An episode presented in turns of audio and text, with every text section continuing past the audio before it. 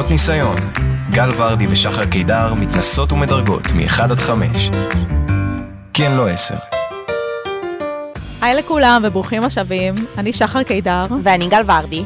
ואנחנו בפודקאסט פנות ניסיון, פודקאסט של כל האוניברסיטה, מרכז האודיו של אוניברסיטת רייכמן. כמו תמיד, ממש חשוב לנו לציין שאנחנו לא באות לייעץ לכם, אלא רק לשתף את החוויות האישיות שלנו. אנחנו לא מקצועיות, אז זה לא אשמתנו אם החיים שלכם נהרסים כי ניסיתם את הטיפים. אנחנו בעצם כל פרק מנסות על עצמנו אה, טיפים בנושאים שונים, אה, והיום הפרק הזה הולך לדבר על דחיינות, ואנחנו נדבר על טיפים שניסינו כדי להתמודד עם זה קצת. דחיינות זה דבר שכולנו חווים, בין אם... אה, מלחץ, או פשוט כי אין לנו כוח לעשות דברים, ובעצם אנחנו ניסינו טיפים כדי לראות איך אנחנו יכולות טיפה יותר להתמודד עם זה, או כדי להסתדר עם התופעה הזאת יותר טוב, ואולי אפילו למנוע אותה. האמת שאני וגל שאלנו קצת את אה, דוקטור אה, גוגל לגבי אה, דחיינות, אז אנחנו נגיד לכם כמה דברים שמצאנו בנוגע לזה. אז ככה, אז באמת, קודם כל הגדרה של בכלל מה זה דחיינות. דחיינות היא בעצם נטייה או התנהגות המתאפיינת בהימנעות של בן אדם מביצוע פעולה מסוימת, או מטלה בעלת עדיפות גבוהה, לשם ביצוע של מטלות ופעולות אחרות.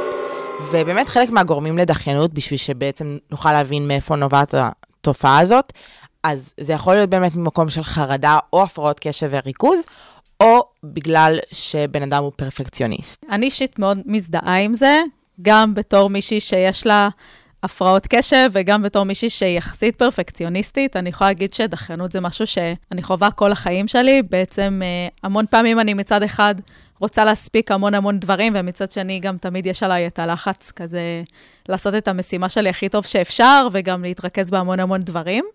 נכון. אנחנו עכשיו נדבר על הטיפים, ונגיד על כל טיפ אם הוא עזר לנו או לא, ואיך הייתה החוויה שלנו לנסות אותו. בדיוק. טוב, יאללה. הטיפ הראשון שלנו הוא הבנה של שורש הבעיה.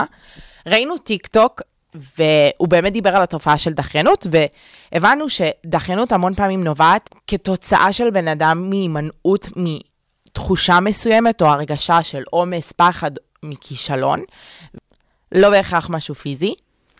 זה בעצם ממשיך גם את מה שאמרנו בהתחלה, שאנשים בעצם מפתחים דחיינות מחרדה מהפרעות קשב או פרפקציוניזם. ואמרתי שאני גם ארחיב על זה, שאני בעצם... אוהבת לעשות כל משימה ב-100%, ובנוסף לזה יש לי הפרעות קשב, ואני תמיד מגיעה למצב שיש לי איזה עשר דברים לעשות, יש לי יומיים לעשות אותם, ובמקום זה אני פשוט יושבת במיטה ולא עושה שום דבר. ובאמת, ברגע שאני התחלתי לעשות משימה, וניסיתי להבין, אוקיי, למה המשימה הזאת מפחידה אותי?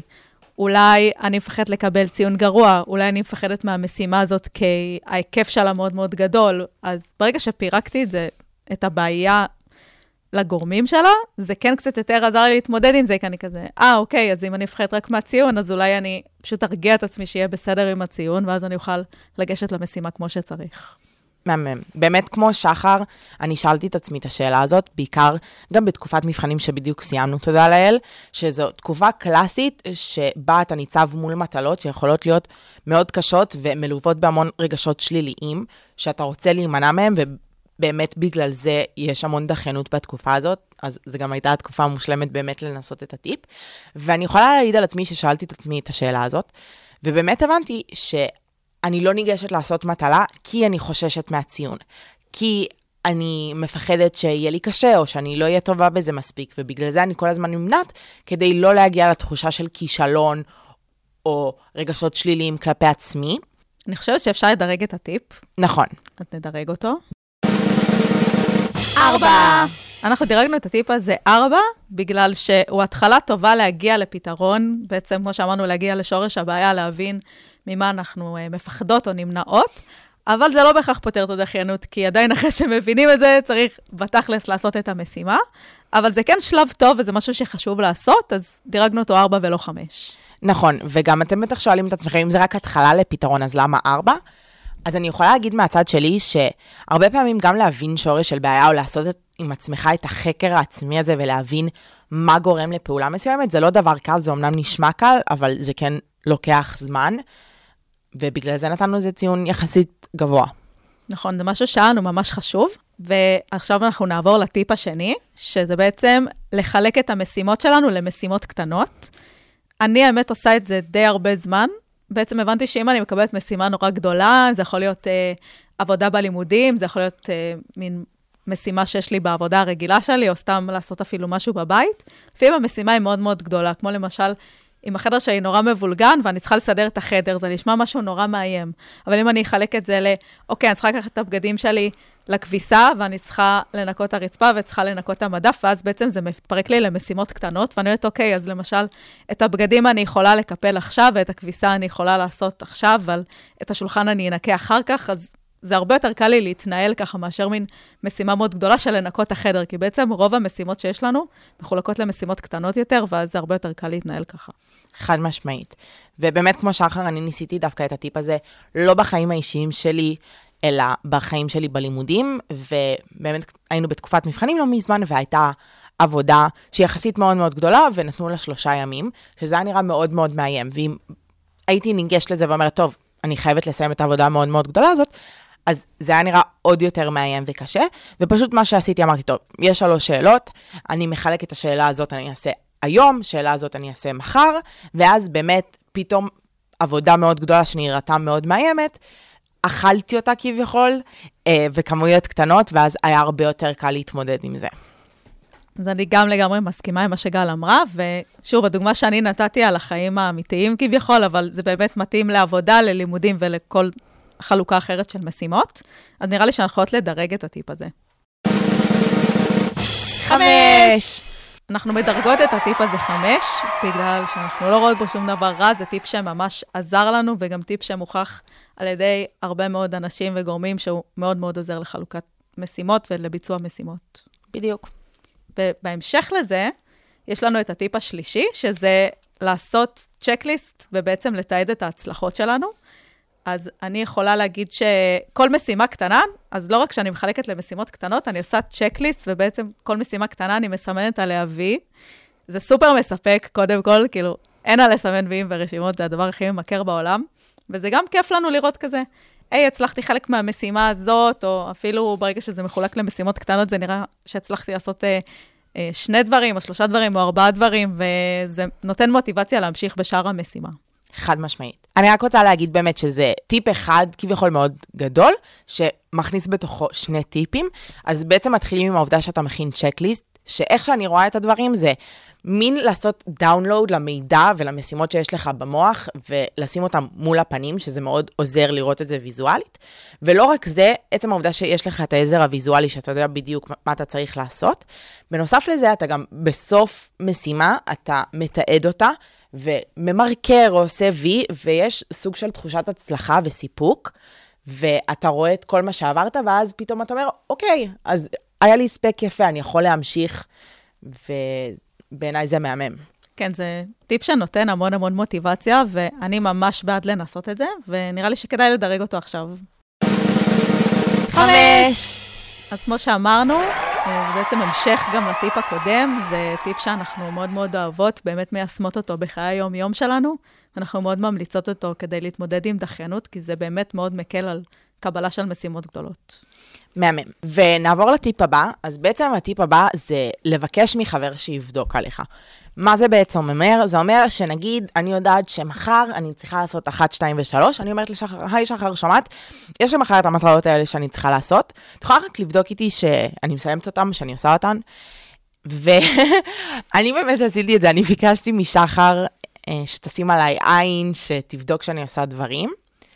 שאני אגיד מראש איך הלך לי? כדאי, כדאי. שאני אגיד כדאי. קיצר, לא הלך טוב, באמת ביקשתי, שחר באמת חברה מדהימה, התקשרה אליי, וידתה שעשיתי את הדברים שאני צריכה לעשות, ומה אני עשיתי? שמתי עליה אלף. מה שיצא לי מהטיפ הזה זה ששחר היא חברה מדהימה ואני פשוט לא מקשיבה לאנשים, אז פחות עבד לי הטיפ הזה. גלי פשוט מה... היא לא החברה היחידה שלי שכזאת, זה פשוט סוג אנשים שכאילו... כל האנשים יכולים להגיד להם, אל תעשו את זה, אבל אם בא להם הם יעשו את זה בכל מקרה. בדיוק. והפוך, אין ברירה.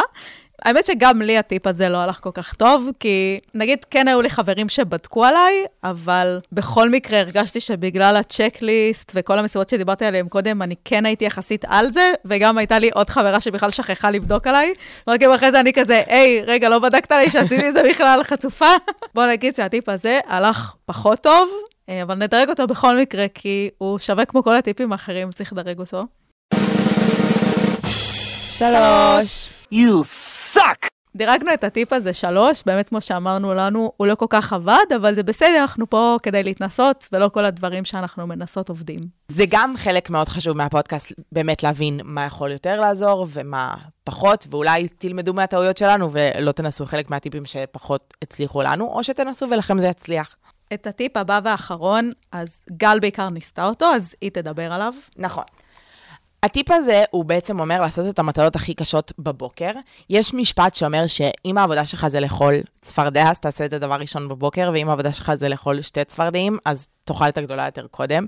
שבתכל'ס זה משפט מאוד מאוד מקסים, וכשאתה חושב על זה כאילו הצפרדע זה המטלה, אז תעשה את המטלה הגדולה בבוקר, אבל החיים האמיתיים לא עובדים ככה. וכן, ניסיתי אותו, ובפעם הראשונה כזה הייתי כולי חדורת מוטיבציה, ואמרתי, יאללה, אני מתחילה בבוקר ואני עושה את הכל. ובפעם הראשונה, וואלה, יפה עבד, אבל בפועל, יום אחרי אמרתי, לא. וזה לא היה כזה וואו. האמת היא שאני לא הכרתי את הביטויים הצפרדעים. אה, זה גם לא נשמע כזה כיף לאכול צפרדעים באופן כללי. אני לא ניסיתי את הטיפ הזה, כי פשוט לא הצלחתי בכלל. יש לי כל כך הרבה דברים בבוקר, ואני נורא בן אדם ששומר את המשימות שלו לערב או ללילה, ודווקא בלילה אני חושבת שיש משהו מאוד כזה שקט, שאף אחד לא פונה אליי, ואני יכולה לעשות את הדברים שלי בסבבה, אז לא הגעתי אפילו למצב של לנסות את הטיפ הזה, אבל בכל מקרה גל ניסתה אותו, אז uh, גל תדרגי אותו. אני אתן לו ציון 2 Loser. מתוך 5, חשוב לזכור.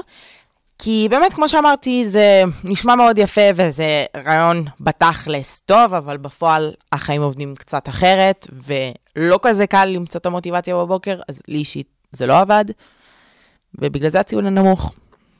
כמו שאמרנו, יש טיפים שעובדים לנו יותר, יש טיפים שעובדים לנו פחות, זה חלק מהפודקאסט וחלק מהחיים עצמם, וזהו, ככה זה עובד.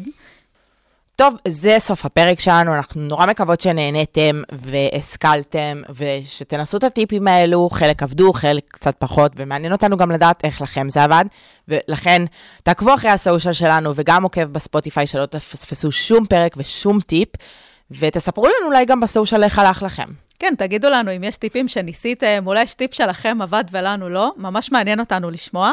בפרק הבא אנחנו נדבר על ביטחון עצמי, וננסה טיפים שיעזרו לנו בימים שבהם הביטחון העצמי שלנו קצת יותר נמוך. ואנחנו רוצות להגיד גם תודה רבה לנוי פאיס, המפיקה, העורכת והמוערכת שלנו, שיושבת איתנו פה כל הזמן. איוש. חמודית. וכמובן, תודה רבה לדוקטור גוגל, לטיק טוק ולנותני הטיפים המפוקפקים והפחות מפוקפקים שעזרו לנו בפרק הזה. פודקאסט שלנו לא היה עובד בלעדיכם. אנחנו נתראה בפרק הבא. ביי ביי. ביי יוש. שפנות ניסיון, אני לא כיף לי היום. אני לא כיף לי. אפשר להתחיל האוניברסיטה